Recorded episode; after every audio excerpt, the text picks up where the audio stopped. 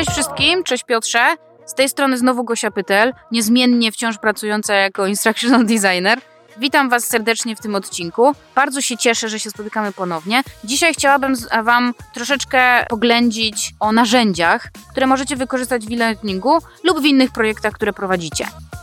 No super, ja się bardzo cieszę, że jesteś z nami, ale na początek. Dzień dobry, ósma rano, czwarteczek i słuchajcie, odcinek czternasty. A teraz wróćmy do Gochy, bo ona naprawdę w tych narzędziach to robi. I to będą narzędzia design thinking. One może powinny być trochę przy projektowaniu, a może trochę nie, ale słuchajcie, będzie o wideo, będzie o narzędziach, będzie Captivate, będą Articulate, cuda, ale wróćmy do Gochy. W jednym z poprzednich odcinków rozmawiałam o design thinking, dlatego wiele z tych narzędzi, jeżeli pracujecie z tą metodą, to mogliście się już z nimi spotkać. Dobrze, od razu wchodzimy do, e, do problemu. Dla mnie jedną z największych grup narzędziowych i najważniejszych są narzędzia dotyczące empatii, bo to jest tak jak design thinking mówi, czyli tak jak ja działam, i zresztą tak jak chcemy zaprojektować szkolenie dla kogoś, musimy wiedzieć dla kogo, po co, dlaczego, kim ten człowiek jest, co będzie robił, wszystko co możemy się dowiedzieć. Są takie dwa narzędzia, które ja proponuję zawsze używać w parze, a mianowicie jest to mapa empatii i persona. Tworząc personę, bardzo fajnie e, wychodzi to, jak sobie zwizualizujemy, czyli wycinamy zdjęcie, przyklejamy, dopasowujemy historię rodzinną, określamy konkretnie, kim jest ta osoba, bo wtedy dużo łatwiej jest patrzeć na świat przez jej oczy. W personie, biorąc pod uwagę jej doświadczenia, jej pozycję, e, jej budżet, cokolwiek jest ważne dla danego projektu, możemy spróbować określić, jakie są jej wymagania, jakie są jej ograniczenia, co zrobi, czego nie zrobi, na co może sobie pozwolić. I wszystko to daje nam obraz, dla kogo projektujemy, i wszystkie te informacje później wpłyną na to, jak zaprojektujemy produkt. Druga rzecz to jest mapa empatii. Mapa empatii mówi nam, co dana osoba, nasz użytkownik, czuje, widzi, mówi, robi, słyszy w stosunku do danego problemu bądź danego produktu. Tak naprawdę możemy przyjąć tutaj dwa punkty widzenia w zależności od naszej sytuacji. Jeżeli złączycie sobie mapę empatii i personę, to od razu w mapie empatii będziecie odpowiadać na te pytania przez jakby oczy danej persony, tak? Czyli na to, co widzi, czuje, będziecie odpowiadać tak, jak widzi to i czuje wasza persona. Czyli jeszcze bardziej pogłębiacie wiedzę o danej osobie i jeszcze bardziej staracie się spojrzeć na świat czy na produkt oczami danej osoby, żeby później oczywiście wiedzieć, jak zaprojektować, czego oczekiwać i jak ten produkt później przekazać. Do tej grupy narzędziowej dotyczącej empatii wrzucę jeszcze wywiady.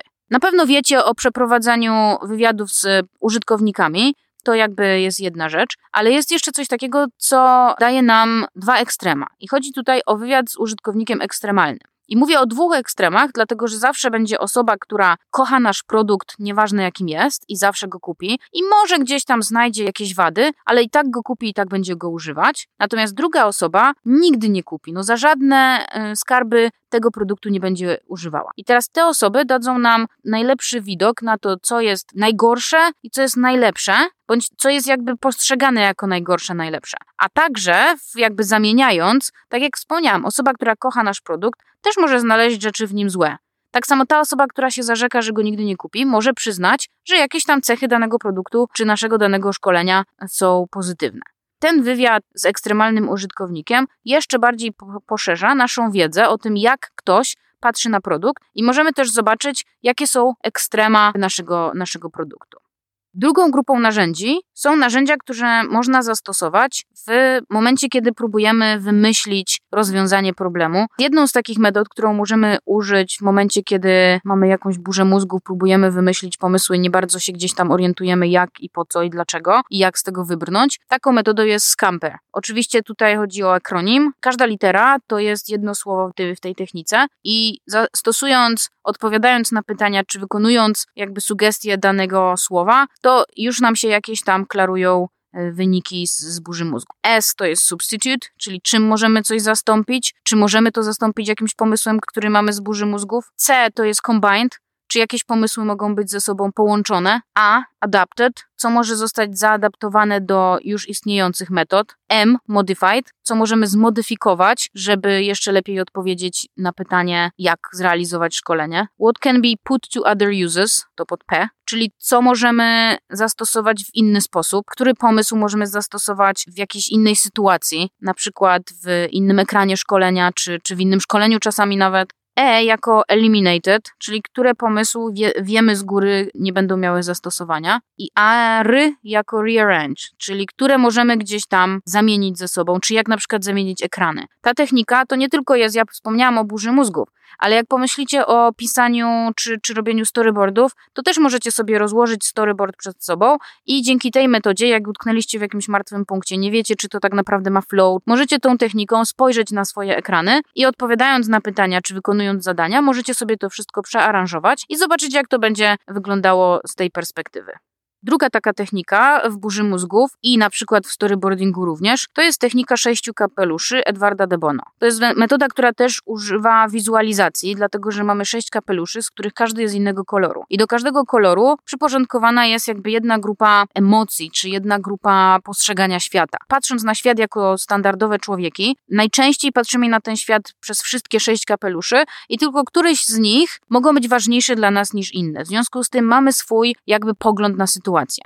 Stosując technikę sześciu kapeluszy, możemy wyizolować te konkretne nasze nastawienia i podejść do tematu używając właśnie ich i, i, sprawdzić, czy dane nastawienie nam pomoże w zmianach, czy nam powie, że to, co robimy, ma sens, czy może zaproponuje zmiany. Pod tymi kapeluszami mamy takie nastawienia jak fakty, emocje, benefity, pomysły, planowanie i ocenianie. Wizualizując sobie to, powiedzmy, że mamy swój scenariusz na szkolenie i zakładamy taki kapelusz faktów i patrzymy, jakie fakty są jasno pokazane, czy jakieś fakty powinny być dodane, czy to w ogóle ma sens. Później możemy sobie na przykład zdjąć kapelusz faktów, założyć kapelusz benefitów. Jakie benefity ma szkolenie w takiej formie? Czy może ten scenariusz należałoby zmienić, żeby zaoferował więcej benefitów? Tak sobie przechodząc przez, przez wszystkie te kapelusze, na samym końcu mamy bardzo jasny obraz wszystkich sześciu kategorii, a nie tylko nasz człowieczy obraz, gdzie ja jestem bardziej emocjonalna, a kolega może być bardziej skupiony na ocenianiu. Tutaj mamy jasno pokazane wszystkie te sześć różnych nastawień. nie głupio to po polsku brzmi znowu. I z nich możemy skorzystać, zmieniając później szkolenie, czy zmieniając to, jak planujemy produkt.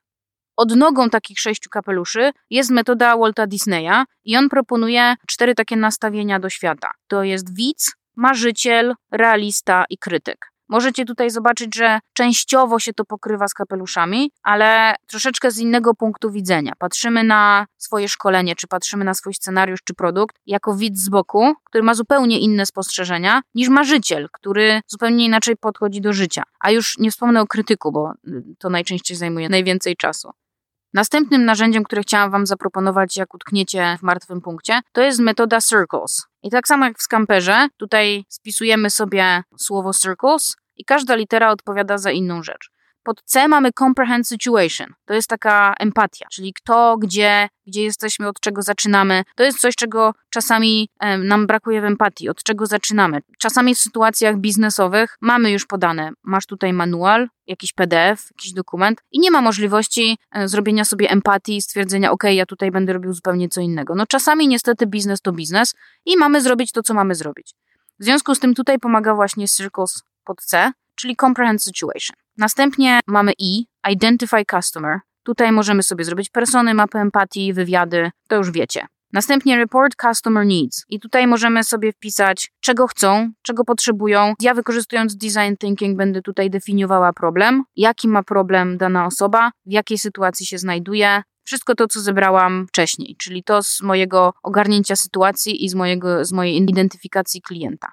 Następnie mamy C jako cut i to zazwyczaj tutaj musimy sobie dorobić inne metody priorytetyzacji. Dlatego, że znowuż w sytuacji, w której nie możemy sobie od tak wymyślić, co chcemy robić i nie wiem, zastosować jak największy budżet, czy jak najwięcej ludzi do budowy prototypu, czasami jest powiedziane, mamy taki, a nie inny budżet. W związku z tym po burzy mózgów, czy po zidentyfikowaniu metod, możemy od razu pomysły uciąć na zasadzie za drogie. Czyli w zależności od tego, jaki mamy priorytet, możemy to zastosować i od razu odrzucić część pomysłów. Tutaj mamy L jako list solutions. Chodzi o e, wypisanie już tych, które nam zostały po odrzuceniu, żebyśmy się nie zajmowali tym, co tak w ogóle nie przyniesie nam, nam efektów. Następnie E, evaluate trade-offs, czyli tutaj trzeba analitycznie zobaczyć, co, z co nam to, jakie, jakie korzyści nam przyniesie dany produkt, czy faktycznie przyniesie jakieś korzyści, czy to są te korzyści, które wynikają nam z pierwszych dwóch elementów Circles, czyli Comprehend Situation, Identify Customer, bo jeżeli przyniesie nam to efekt pieniężny, a klient chciał zupełnie coś innego, no to tutaj się już rozmijamy, tak? Możemy wrócić do, w tej metodzie, czy wrócić w Design Thinking i, i, i już inaczej zidentyfikować potrzeby. I S w Circles stoi za Summarize Recommendation, czyli ogólnie, jak nam ta metoda pomogła zidentyfikować to, co chcemy robić, dlaczego pójdziemy daną drogą, a nie inną. To jest to, co nam powie Circles. To były narzędzia, które możemy wykorzystać w momencie, kiedy gdzieś utkniemy. Nie wiemy za bardzo, e, jak wybrnąć z danej sytuacji, mamy za dużo pomysłów, za mało, nie wiemy, czy scenariusz się sprawdzi. To były te metody. I też troszkę po części w tej grupie, a troszkę otwierając nowy kubełek narzędzi z kreatywnością, będzie takie narzędzie, które ja podłapałam od znajomych projektantów i to jest tak zwany moodboard. O co chodzi? O wklejanie swoich inspiracji. Jeżeli robicie szkolenie, to warto sobie w takim moodboardzie dać to, co znaleźliście. On będzie bardziej praktyczny niż kreatywny, ale to, co znaleźliście o użytkownikach, tutaj można wkleić wszelkiego rodzaju wizualne części tego, co oni sobie wyobrażają, lub jak macie już jakieś pomysły na, e, na to, jakie ikony wykorzystać, jakie obrazki, jaki styl obrazków, to to jest moodboard. Czcionki również, w zależności od tego, co też wykorzystujecie w e-learningu, bo na pewno nie wszystko. Ja na przykład nie robię części graficznej, robi to grafik, natomiast zawsze mogę przygotować taki moodboard i zawsze zawsze to robię dla szkoleń, które ja projektuję, aby osoba, która później robi obrazki, wiedziała mniej więcej w jakim kierunku iść. To też nie znaczy, że patrząc na taki moodboard, od razu będziecie mogli narysować coś i od razu wasz grafik czy, czy wy będziecie wiedzieć, w którą stronę iść. Nie, to ma być inspiracja. To jest taka tablica inspiracji. Natomiast spisywanie sobie czegoś jako sentencję na kartce działa dużo gorzej niż odwoływanie się no, do naszych wizualizacyjnych takich zdolności. I tak jak ostatnio dowiadujemy się o sketchnotingu i o notatkach wizualnych, tak samo tutaj jest dokładnie ta sama zasada. E, oczywiście możecie sobie zrobić zdjęcie notatek i wysłać, i to jest jeden z elementów na moodboardzie. Kolejnym narzędziem, o którym chciałabym wspomnieć, to są różnego rodzaju kreatywne karty. Ja korzystam osobiście z paczki Creative Thinking Cards, ale można też skorzystać z, z paczki Oblique, można też korzystać z Method Cards, można też korzystać z Learning Battle Cards o których dowiecie się więcej na blogu Piotrka. W zależności od tego, jakie macie potrzeby, te karty zaoferują Wam albo narzędzia, grupy narzędzi, albo grupy rozwiązań, albo podejścia do spraw.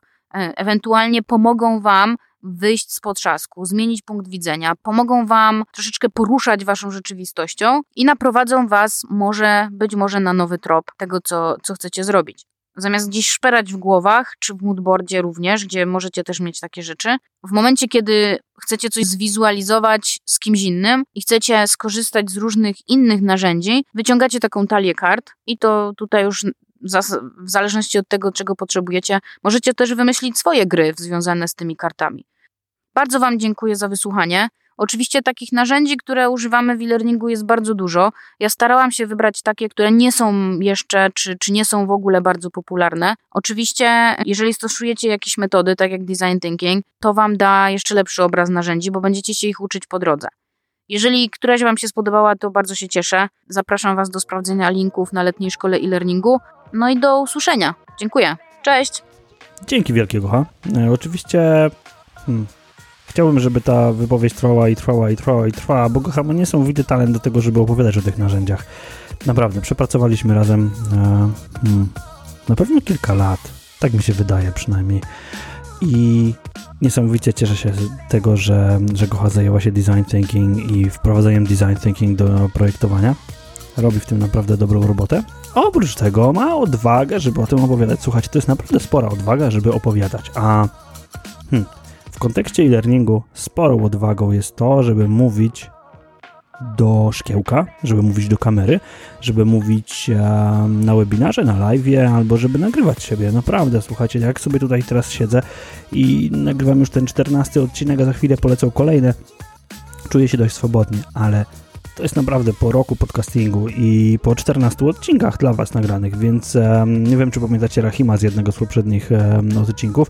On mówił, ej, to nie jest coś naturalnego. To jest naprawdę zupełnie inne doświadczenie niż uczenie na sali. Ale wracamy teraz do naszych narzędzi. Jeżeli mm, myślimy o narzędziach, no to musimy sobie je podzielić na powiedzmy dwie grupy. Dwie grupy, które będą uzależnione od tego, jak będziemy uczyć. Bo pamiętacie, Marta Eichstätt mówiła bardzo dużo o tym, jak uczyć synchronicznie, jak uczyć za pomocą mm, warsztatów online, jak uczyć za pomocą webinarów.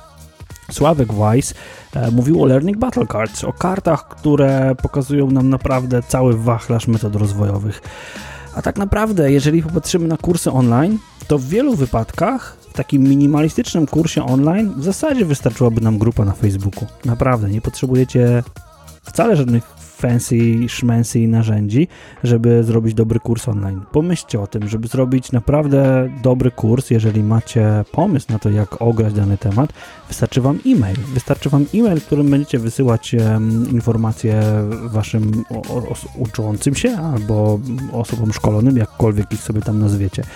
Naprawdę, jeżeli popatrzycie na kurs online bardzo minimalistycznie, to wystarczy Wam grupa na Facebooku, wystarczy nam e-mail, wystarczy nam Twitter. I teraz popatrzcie na letnią szkołę e-learningu, wystarczy nam hmm, Spreaker. Wystarczy nam narzędzie, w którym możemy mówić do mikrofonu i możemy się nawzajem od siebie uczyć, możemy angażować innych.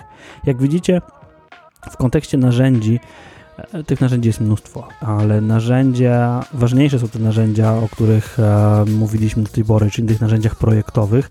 One są ważniejsze niż narzędzia, w których realizujemy, czyli te narzędzia autorskie. I teraz mm, wprowadzając taki podział na narzędzia, które działają synchronicznie i asynchronicznie, myślę, że fajnie sobie o nich porozmawiać. Więc zacznijmy.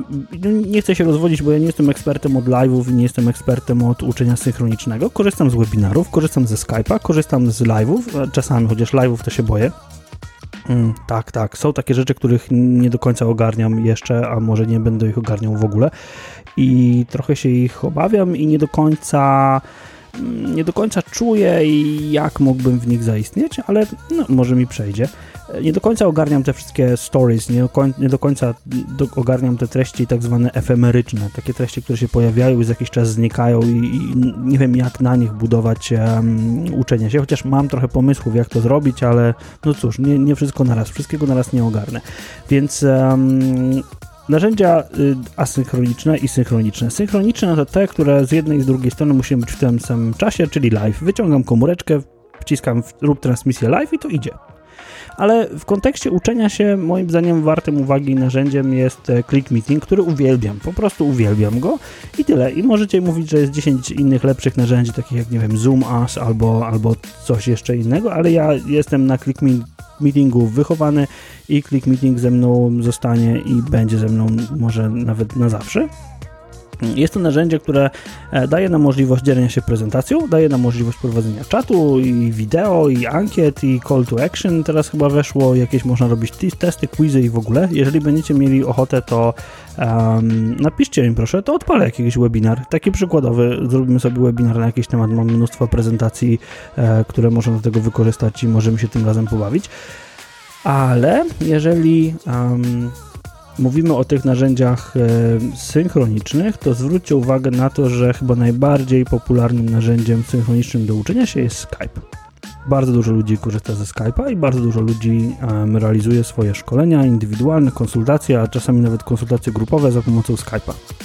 I, I, super. To jest narzędzie tak rozpowszechnione i tak popularne, że nic nie stoi na przeszkodzie, żeby właśnie z niego skorzystać w przypadku uczenia się synchronicznego. Czyli Skype to jest to, z czego, z czego naprawdę mm, możemy z powodzeniem skorzystać.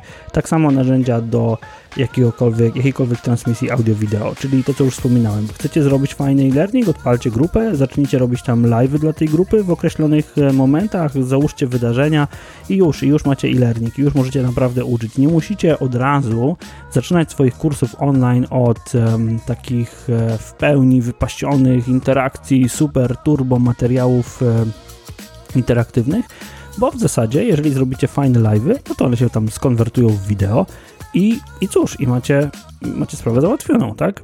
E, jeżeli chodzi o kursy online, bo do nich tak chcę szybko przejść, no to właśnie. E, kursy online w wielu wypadkach bazują na wideo. na wideo, którego ja ciągle uczę się nagrywać. Ale żebym się nie wymądrzał sam, to zaprosiłem Piotra Maczugę. Piotr już występował, a on jest turbo ekspertem, jeżeli chodzi o wideo. No to oddajmy mu głos.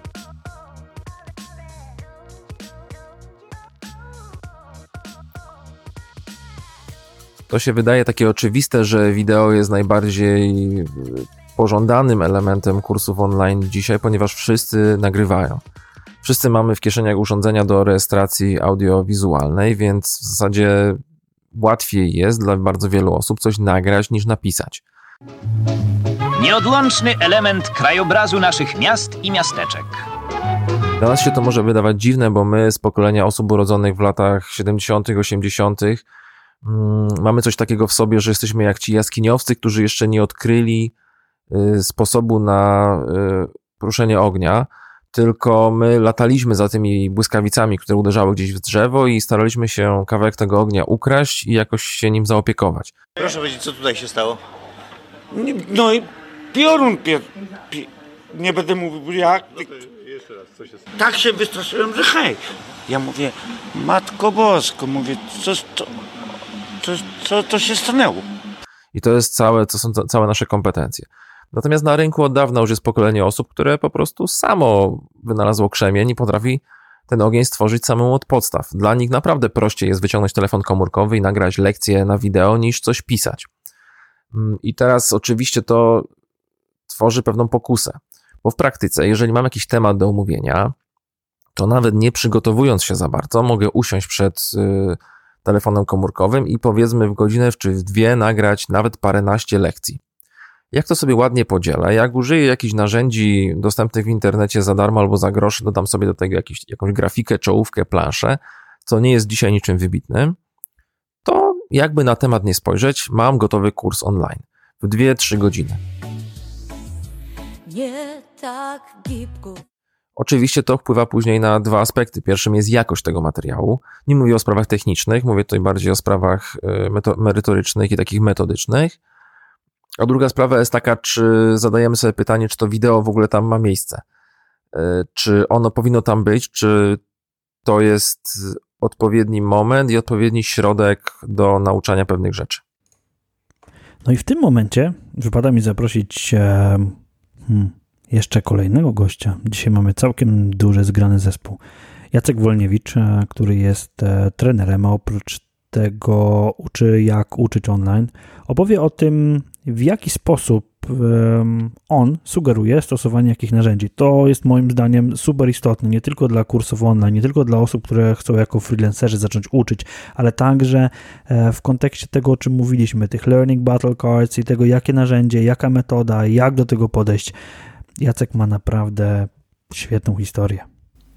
Ja często y, słyszę takie pytanie, słuchaj, Jakie narzędzia mam dobrać do swojego szkolenia? Ja to nazywam plaster na złamanie. Nie szukaj plastera na złamanie, szukaj odpowiedniej metody, która będzie ci rozwiązywała problemy.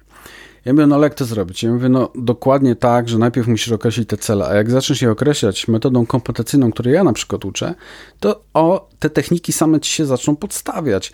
To nie jest żadna magia, to nie jest wymyślanie prochu na nowo, tylko to są rzeczy, które są w naturalnej konsekwencji Twojego projektu celowego. I teraz, jeżeli ustawimy sobie projekt, hmm, przypominam, że mówię o projekcie kompetencyjnym. Kompetencja to są składowe, co masz wiedzieć, co masz umieć, jak masz to przejąć w pracy. No tak, jeżeli chodzi o postawy, będzie w e-learningu trudno. W sensie nie mamy wpływu na to, co się dzieje, ale skupmy się na tych e, pierwszych dwóch elementach. Co radzisz w takiej sytuacji? No to tutaj, jeżeli wrócimy do modelu kompetencyjnego, tak jak zacząłem, czyli rozpisujesz, co ma wiedzieć, co ma, czyli wiedza, co ma umieć, i potem zaczniesz się zastanawiać, jak mu tą wiedzę, kiedy już masz to opisane, w jaki sposób mu dostarczysz i jak te umiejętności mu też dostarczysz, jak go tego nauczysz, no to tutaj, dlatego mówię bez, nie bez powodu, jakby narzędzia same się podsuwają, bo widzisz natychmiast ograniczenia i widzisz natychmiast potencjał. I wiesz dobrze, jak masz komponent wiedzowy, no to masz do wyboru kilka opcji. Możesz pójść w audio, możesz pójść w podcast y, firmowy, możesz pójść y, w e-book, który po prostu każą y, ludziom przeczytać i tak dalej. Masz wykład, masz pewną mm, pole manewru, ale ono już jakby jest determinowane w pewien sposób. Z umiejętnościami podobnie. Testy, w jakieś. Ja zachęcam tutaj do jednej rzeczy, do tak zwanego myślenia, do pracy na błędach. Czyli na przykład zamiast kazać ludziom robić w workbookach, jak powinno być, raczej daje, jak znaleźć błąd. Jak nie powinno być. Warunek jest taki, że ludzie już znają ten proces, bo jeżeli to jest całkowicie nowa historia dla nich, no to oni sobie z tym nie poradzą, bo jak. Ale jeżeli już znają i chcemy zweryfikować, zmusić ich do tego, żeby zderzyli się w swoich głowach z umiejętnościami, które gdzieś tam wcześniej na przykład na szkoleniach stacjonarnych poznali, a tutaj chcemy zrobić na przykład follow-up, jakieś uzupełnienie, to zachęcam Was do takiego myku. Dawajcie zadania, w których ludzie muszą znaleźć błąd. Są na to dowody, tak? Nie mogę sobie teraz przypomnieć, szukałem zresztą przed nagraniem, nie mogę znaleźć, ale był taki test zrobiony na zespole strażaków, mm, których uczono procedur ratowniczych e, w Stanach właśnie nie w sposób, jak powinno być, tylko napisano procedury, które zawierano, zawierały błędy i oni musieli znaleźć te błędy. I teraz się okazało, zobaczcie, co z tego wychodzi. Wychodzi z tego to, że po pierwsze muszą znać te procedury, bo inaczej nie, wy, nie był proces, nie wyłapią tych błędów, więc od razu jest też taka wtórna diagnoza, czy w ogóle ludzie coś kumają. Ja bardzo często na szkoleniach sprzedażowych moi klienci mdleją, jak słyszą w programie takie oto ćwiczenie, Znajdź argumenty y, tej klasy. Znajdź w tej chwili argumenty, mm, żeby zniechęcić swojego klienta do zakupu waszego produktu. I mówię, jak, to, to chyba jesteś nienormalny. Ja mówię, spokojnie. I później się okazuje, że ludzie na przykład widać, że nie wiedzą, nie znają, bo nie potrafią obalić argumentów. Y, no i wracając do tych narzędzi, to jest jedno z takich moich narzędzi ulubionych, które oczywiście odpowiednio wymaga odpowiedniego scenariusza i tak dalej, które pozwala na aktywizację. I to aktywizację z poziomu PDF-u, to nazwał. To jest, to jest, to jest e, tego typu sprawa. A zatem narzędzia będą się podsuwały. Mm, na przykład nie jestem za rywalizacjami z jednego prostego powodu. Formy rywalizacyjne są na to badania, można sięgnąć E, w Doliński, mm, profesor Doliński robił badanie, jeszcze nie profesor, mm, gdzieś chyba lata 90., jak pamiętam, we Wrocławiu. I jest e, wyraźna wskazówka, że rywalizacja obniża zasoby poznawcze, każe się skupiać na krótkotrwałych celach, e, zmieniają się relacje interpersonalne, generalnie obniża się sprawność na przykład uczenia. Zatem rywalizacja wcale nie jest dobra. Y, poza aktywnością samą w sobie. Podobnie na przykład są narzędzia, które, i to mówię o wiedzy, którą trzeba mieć jakby, jak my się uczymy, bo, ja, bo, bo to będzie też determinowało narzędzia. Podobnie, wiem Piotr, zajmujesz się prezentacjami, y, tworzysz super prezentacje, ale też jest, są książki przecież na ten temat, jak tworzyć bajery i tak dalej w tych prezentacjach, a teraz powiem wam taką rzecz, jeżeli y, jest takie powiedzenie, że zdjęcie jest warte tysiąca słów. Ono jest warte, tylko pytanie na cholerę nam to momentami, z jednego prostego powodu. Dlatego, że bardzo często y, omawiając pewne rzeczy, lepiej jest zastosować i są na to badania. Y, Colin Ruth Clark, y, mm, szkolenie oparte na dowodach, na przykład tam też o tym pisze, gdzie ta symbolika zdjęcia które ma być takie fajne, szukamy z reguły, nie? Z banki zdjęć, nie banki zdjęć, żeby to było takie kolorowe, symboliczne, bardziej przeszkadza niż pomaga. Dam przykład. Jeżeli mówisz o, przykład uczysz o drzewach, rodzajach drzew, to zdjęcie tych drzew w parku może tylko i wyłącznie prowokować do symbolicznych, dodatkowych obciążeń mózgu, czyli mózg zacznie tworzyć jakieś asocjacje, a to kolory, a to kształty, a to kompozycje, a to w ogóle jakieś odniesienia do jakiejś sytuacji, w których byliśmy w parku, etc. I w tym momencie nasza pamięć robocza jest, mówiąc krótko, zapchana. Zatem to nie będzie dosyć skuteczna metoda. Natomiast jeżeli pokażemy po prostu rysunek, zwykły taki rysunek z kolorowanki dla dzieci, ma to dużo, dużo lepszy efekt. Dlatego y, nigdy nie ma czegoś takiego, że ja odpowiem na pytanie, co ci poradzić, tylko zapytam o cele. Jak zapytam o cele, to zapytam je z poziomu kompetencji. Jak zapytam z poziomu kompetencji, to poproszę, jaki jest Twój cel szczegółowy. Czy chcesz dostarczać wiedzy, czy chcesz dostarczać umiejętności. Jak to będę znał i znam do tego, oczywiście muszę mieć taki background mm, o uczeniu w ogóle, krzywe uczenia, E, uczenie pamięciowe, uczenie właśnie związane z, ze zmianą nawyków, czyli takie uczenie na oparte na doświadczeniach, gdzie jest bardziej skuteczne, to wtedy mogę Ci poradzić. I to jest tak naprawdę całe clue. Najpierw cele, po co to robisz, a dopiero potem narzędzia. I te narzędzia, uwierz mi, naprawdę same się zaczynają tam pojawiać. Nie trzeba nic wielkiego wymyślać. Potem już tylko tuningować i zrobić tak, żeby były twoje autorskie, to nie będzie takie trudne. Czyli jak widzicie, pamiętacie o Learning Battle Cards? Tam jest mnóstwo tych narzędzi, z których możecie skorzystać. Teraz Jacek mówi wam o tym, żeby wrócić do projektowania. Pamiętacie? Nie wiecie, jakie narzędzie dobre do czegoś? Wracamy do projektowania. Myślimy o celach, celach szczegółowych i zastanawiamy się, na przykład stosując e, Action Mapping od Cathy Moore, zastanawiamy się, co tak naprawdę mamy do rozwiązania. Więc narzędzia, dobieramy do tego, co tak naprawdę mamy zrobić. Nie staramy się e, wziąć łomu, żeby odkręcić śrubkę. No, dokładnie tak. Niestety, e, musicie o tym pamiętać i błagam, nie skupiajcie się na narzędziach. Ja za chwilę powiem wam, jak je podzielić, jak je znaleźć. Wrzucę wam tu linki, ale wróćmy jeszcze do Piotra. Jak obserwuję lekcje na wideo robione w niektórych y, tematykach, podam przykład tematyka prawna, bardzo wiele osób robi kursy albo takie większe formy live, nazywane czasami webinarami, ale nie zawsze poprawnie, właśnie z tematów prawnych. To dziwiam się później, że skuteczność tego, y, tej metody jest niewielka, ponieważ wyobraźcie sobie prawnika, który przyjeżdża i siada przed mikrofonem i robi 40 albo godzinny, 40-minutowy albo godzinny taki strumień świadomości z zakresu danych zmian w prawie. Oczywiście, nasza grupa odbiorców wysłucha tego materiału, ale prawdopodobnie nic sobie nie przyswoi i co dosyć prawdopodobne, bardzo szybko zapomni te niewielkie elementy, które tam powstały, dlatego że nauka prawa czy jakieś omawianie zmian w przepisach prawa bardzo często opiera się właśnie o zmiany w przepisach, w artykułach, cytaty, konkretne linki, konkretne rozwiązania. I tutaj wideo się powiedzmy dosyć średnio sprawdza, jeżeli nie, nie jest wsparte innymi e, elementami. Z drugiej strony, jeżeli uczymy kogoś umiejętności miękkich, na przykład yy, chcemy wyrównać poziom podstawowy handlowców w firmie, takich przyjmowanych na samym początku, żeby oni zrozumieli podstawy obsługi klienta, czy takie podstawowe elementy, które w danej sieci handlowej obowiązują, to kurs online zrobiony w formie wideo wydaje się idealny, ponieważ można zwizualizować wszystko ładnie, pokazać to, co jest w firmie istotne, a nie tracić czasu na szkoleniu stacjonarnym, na to, co właściwie wszyscy na początku powinni mieć opanowane w teorii. Ale tak nie jest, rzadko tak jest. E, oczywiście to, co mówię teraz, jest dosyć oczywiste dla tych, którzy kursy projektują, ale już nie dla tych, którzy tak naprawdę w tej chwili je masowo robią, nie znając e, zasad projektowania kursów online. Reasumując, nie zawsze jest dobre miejsce na wideo.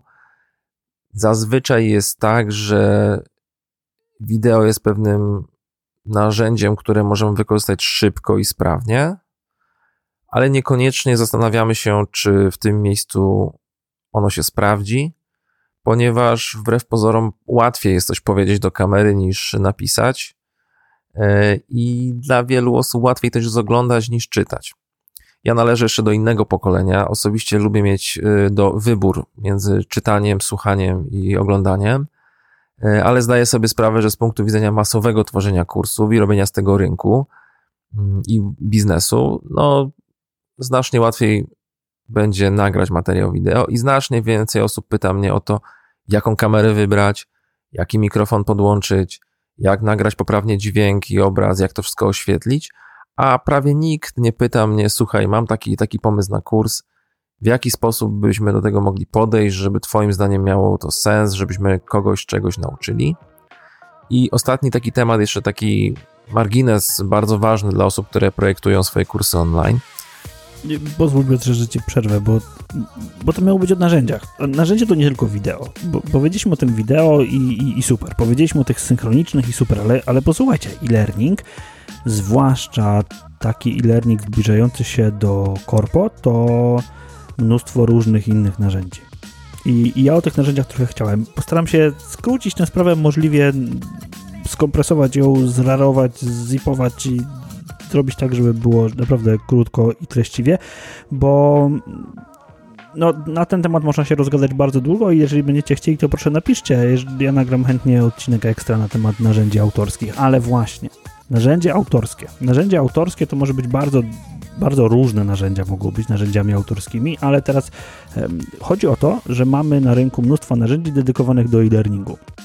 Articulate Studio, Storyline, Rise, Lucidat, Captivate, Camtasia, mnóstwo tych narzędzi jest. Do czego one generalnie służą? Do tego, żeby pewnego rodzaju scenariusz przerobić na interaktywne szkolenie online. Kropka. Generalnie korporacje mają specyficzne wymagania, tam nie tak ważny jest e, materiał wideo, nie tak ważne jest e, narzędzie, nie tak ważne jest podejście do tego, żeby to ktoś chciał kupić, bardzo ważne jest podejście takie, żeby dane treści przekazać i żeby była szansa na sprawdzenie, że ktoś je e, skonsumował, ale jeżeli popatrzycie na to, że w wielu kursach online udostępniane są materiały wideo i PDFy, a narzędzia interaktywne dają mnóstwo, mnóstwo różnych e, szans na tworzenie gier, interakcji, na tworzenie jakichś takich, wiecie, przeciągnij upuść, na tworzenie pewnych drzewek decyzyjnych, na łączenie tego z materiałem wideo, na tworzenie interaktywnych materiałów wideo, to nagle okazuje się, że te narzędzia, te narzędzia autorskie mogą być nam potrzebne. Z drugiej strony, jeżeli planujecie swoją karierę w e-learningu jako tak zwany deweloper albo projektant, to te narzędzia są obowiązkowe. Articulate Storyline, Adobe Captivate, dwa takie flagowe okręty. Do tego, jeżeli chcecie nagrywać swój kurs online i na przykład chcecie nagrywać swój ekran, bardzo dobrym narzędziem jest e, Camtasia e, z TechSmith. Na grupie e-learning robię jest Anton Bolen. Anton e, jest przedstawicielem TechSmith, więc spokojnie możecie do niego napisać, jeżeli macie jakieś pytania. I jeżeli skupicie się na tym, co to za narzędzia są, to mm, uwierzcie mi, dostaniecie też um, niezłego kopa, jeżeli chodzi o to, co w e-learningu jest możliwe do zrobienia. Bo w wielu wypadkach um, my skupiamy się na tym, że nie, nie, spoko, wideo wystarczy i dostarczmy to. Jasne, wystarczy. Przy pierwszej, drugiej, trzeciej, siódmej edycji szkolenia wystarczy, ale narzędzia autorskie warto znać, bo na przykład materiały wideo możecie włożyć do takiego narzędzia jak Elucidat, dodać do nich interakcje, albo na przykład w Camtasia możecie materiały wideo połączyć z pytaniami quizowymi, żeby sprawdzać, czy ten wasz odbiorca e, zrozumiał, czy ogarnął i czy, mm, hmm, czy rozumie to, o czym powiedzieliście przed chwilą. To naprawdę może być świetne, e, świetna interakcja. E, takich interakcji możecie tworzyć też mnóstwo i w zasadzie nic Was nie ogranicza. W takim narzędziu, które, z którego osobiście prowadzę kursy online, czyli Articulate Storyline, w zasadzie nie ogranicza Was nic. I akurat tam uczę na przykładzie budowania takiej interaktywnej gry edukacyjnej. I takie rzeczy mogą się Wam przydać i mogą być dla Was e, naprawdę bardzo interesujące, nawet jeżeli planujecie tylko i wyłącznie robienie standardowych kursów online. Myślę, że właśnie w tym kierunku e, powinniście zwłaszcza zmierzać, jeżeli będziecie planować robić kursy B2B, i sprzedawać kursy mm, dla dużych firm. No, myślę, że prędzej czy później tak się, tak się wydarzy, że część z Was um, skręci właśnie tym zjazdem um, i będzie szukać um, przychodów albo po prostu ścieżki, ścieżki kariery właśnie w realizowaniu kursów B2B albo realizowaniu szkoleń dla dużych organizacji. Projektowanie w zasadzie wygląda tak samo, tworzenie wygląda trochę inaczej, bo macie narzędzia autorskie. Te wszystkie narzędzia autorskie, o których mówiłem, podlinkuję. A teraz e, na sam koniec, e, oczywiście 2edu przez LSE, ale komentarz od Piotra, który mam nadzieję będzie fajną, domykającą klamrą. Dzięki wielkie i do usłyszenia we wtorek. Y, ja staram się zawsze, jak tworzę taki scenariusz, dbać przede wszystkim o te takie aspekty dydaktyczne. To znaczy, kiedy wybieram odpowiednie formy do przekazania treści, zastanawiam się, czy w danym momencie będzie to wideo, czy będzie to y, jakiś tekst, a może na końcu będzie test, a może jeszcze coś innego, może jakieś elementy interaktywne, to zawsze pamiętam o tym, żeby nie zgubić tego sensu uczenia żeby osoby nie osierocić gdzieś po drodze, że każdy element, każda cegiełka tego domu, który buduje, musi być połączona z kolejną cegiełką i coś musi z czegoś wynikać. I nawet jeżeli dane narzędzie, dana platforma umożliwia mi zrobienie rzeczy ym, takich rzadziej spotykanych, premium, takiego lukru na torcie, to pamiętajmy, że to jest tylko lukier. On tylko zdobi wierzchołek, w rzeczywistości cały środek jest istotny. Dlatego nigdy nie głupcie tego celu z zasięgu wzroku i pamiętajcie, żeby widzieć przede wszystkim te metody, te formy uczenia, które będą skuteczne i które będą Was doprowadziły do celu. A jeżeli chcecie sprzedawać więcej, robicie to z typowo komercy, komercyjnych rzeczy, to te wszystkie dodatki, te wszystkie ulepszacze, te wszystkie elementy efektu wow stosujcie bardzo ostrożnie i tak, żeby to działało fajnie marketingowo, ale nie zniszczyło całego sensu uczenia. Dziękuję za zaproszenie do letniej szkoły e-learningu. Piotr Maczuga, maczugaedu.pl